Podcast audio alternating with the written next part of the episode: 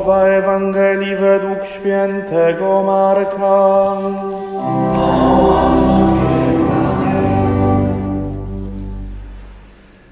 Gdy znowu wielki tłum był z Jezusem i nie mieli co jeść, przywołał do siebie uczniów i rzekł im: Żal mi tego tłumu, bo już trzy dni trwają przy mnie, a nie mają co jeść.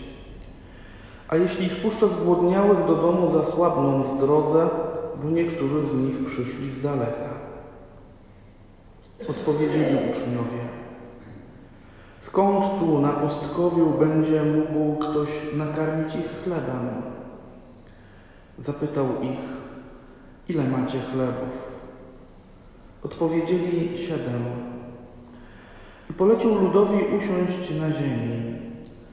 A wziąwszy te siedem chlebów, odmówił dziękczynienie, połamał i dawał uczniom, aby je rozdzielali i rozdali tłumowi. Mieli też kilka rybek i nad tymi odmówił błogosławieństwo i polecił je rozdać. Jedli do sytości, a pozostałych ułomków zebrali siedem koszów. Było zaś około czterech tysięcy ludzi. Potem ich odprawił. Zaraz też wsiadł z uczniami do łodzi i przybył w okolice Dalmanuty. Oto słowo Pańskie.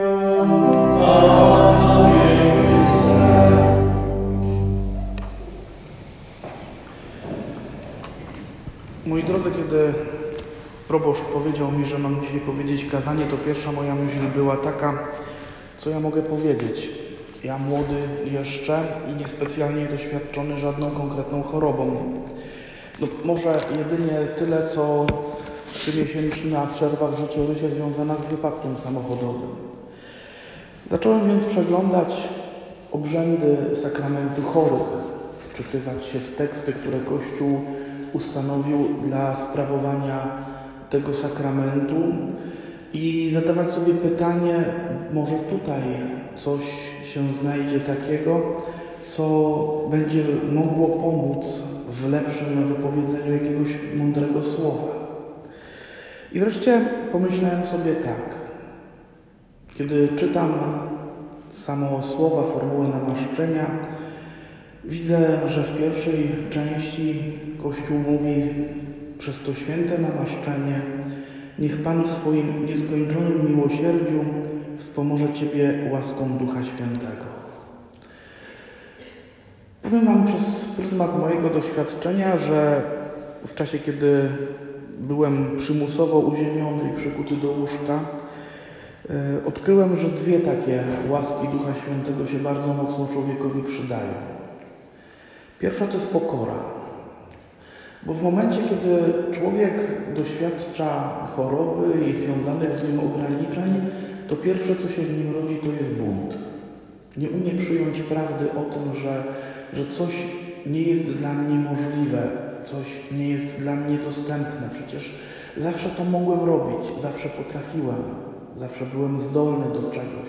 Miałem na tyle dużo siły, na tyle dużo zdolności. A teraz jest mi to stopniowo odbierane, bo przecież moja choroba sprawia, że jestem słaby, że być może coraz trudniej jest mi się poruszać, że być może coraz trudniej jest mi podołać moim codziennym, zwyczajnym obowiązkom. I ten bunt też bardzo łatwo przeradza się w takie narzekanie i marudzenie, które doświadczane jest przez tych, którzy się mną zajmują. Więc pokora jako takie pokorne spojrzenie i przyznanie się prawdziwe do tego, że jestem w jakiś sposób ograniczony poprzez moją chorobę, jest taką pierwszą łaską, którą Duch Święty może nam dać. Dlaczego ona jest ważna? Bo kiedy człowiek staje w prawdzie, może też stanąć wreszcie wobec swojej choroby w trochę innej postawie. Mogę wreszcie spojrzeć na swoją chorobę i powiedzieć: Panie Boże, to jest moje tu i teraz, to jest moje życie dzisiaj i takim życiem muszę sobie radzić, z takim życiem muszę sobie żyć.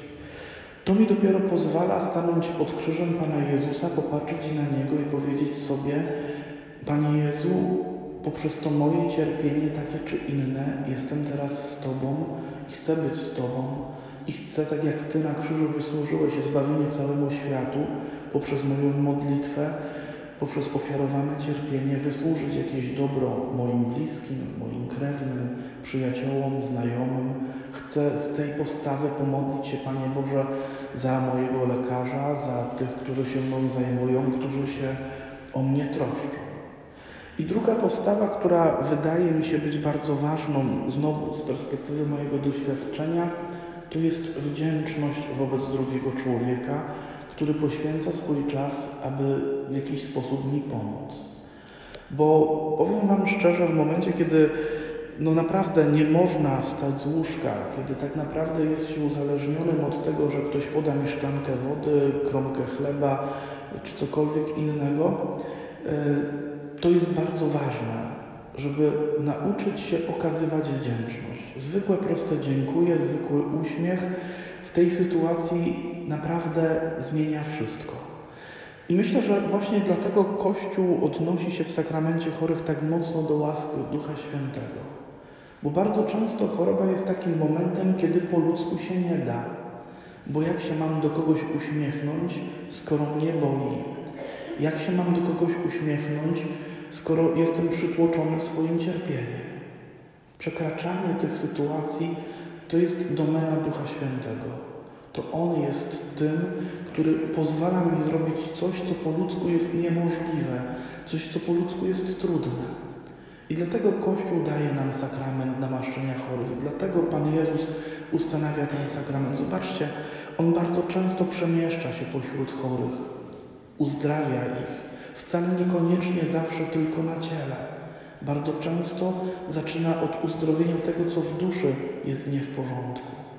I myślę, że tutaj dzisiaj, kiedy staniemy za chwilę, będziemy prosili o udzielenie sakramentu namaszczenia chorych, możemy to robić z taką właśnie intencją. Panie Jezu, daj mi Twojego ducha, niech On napełni mnie i dopomoże mi pokornie przyjąć prawdę o mojej chorobie, ale też niech nauczy mnie wdzięczności dla wszystkich tych, którzy się mną zajmują, którzy są ze mną, którzy okazują mi troskę.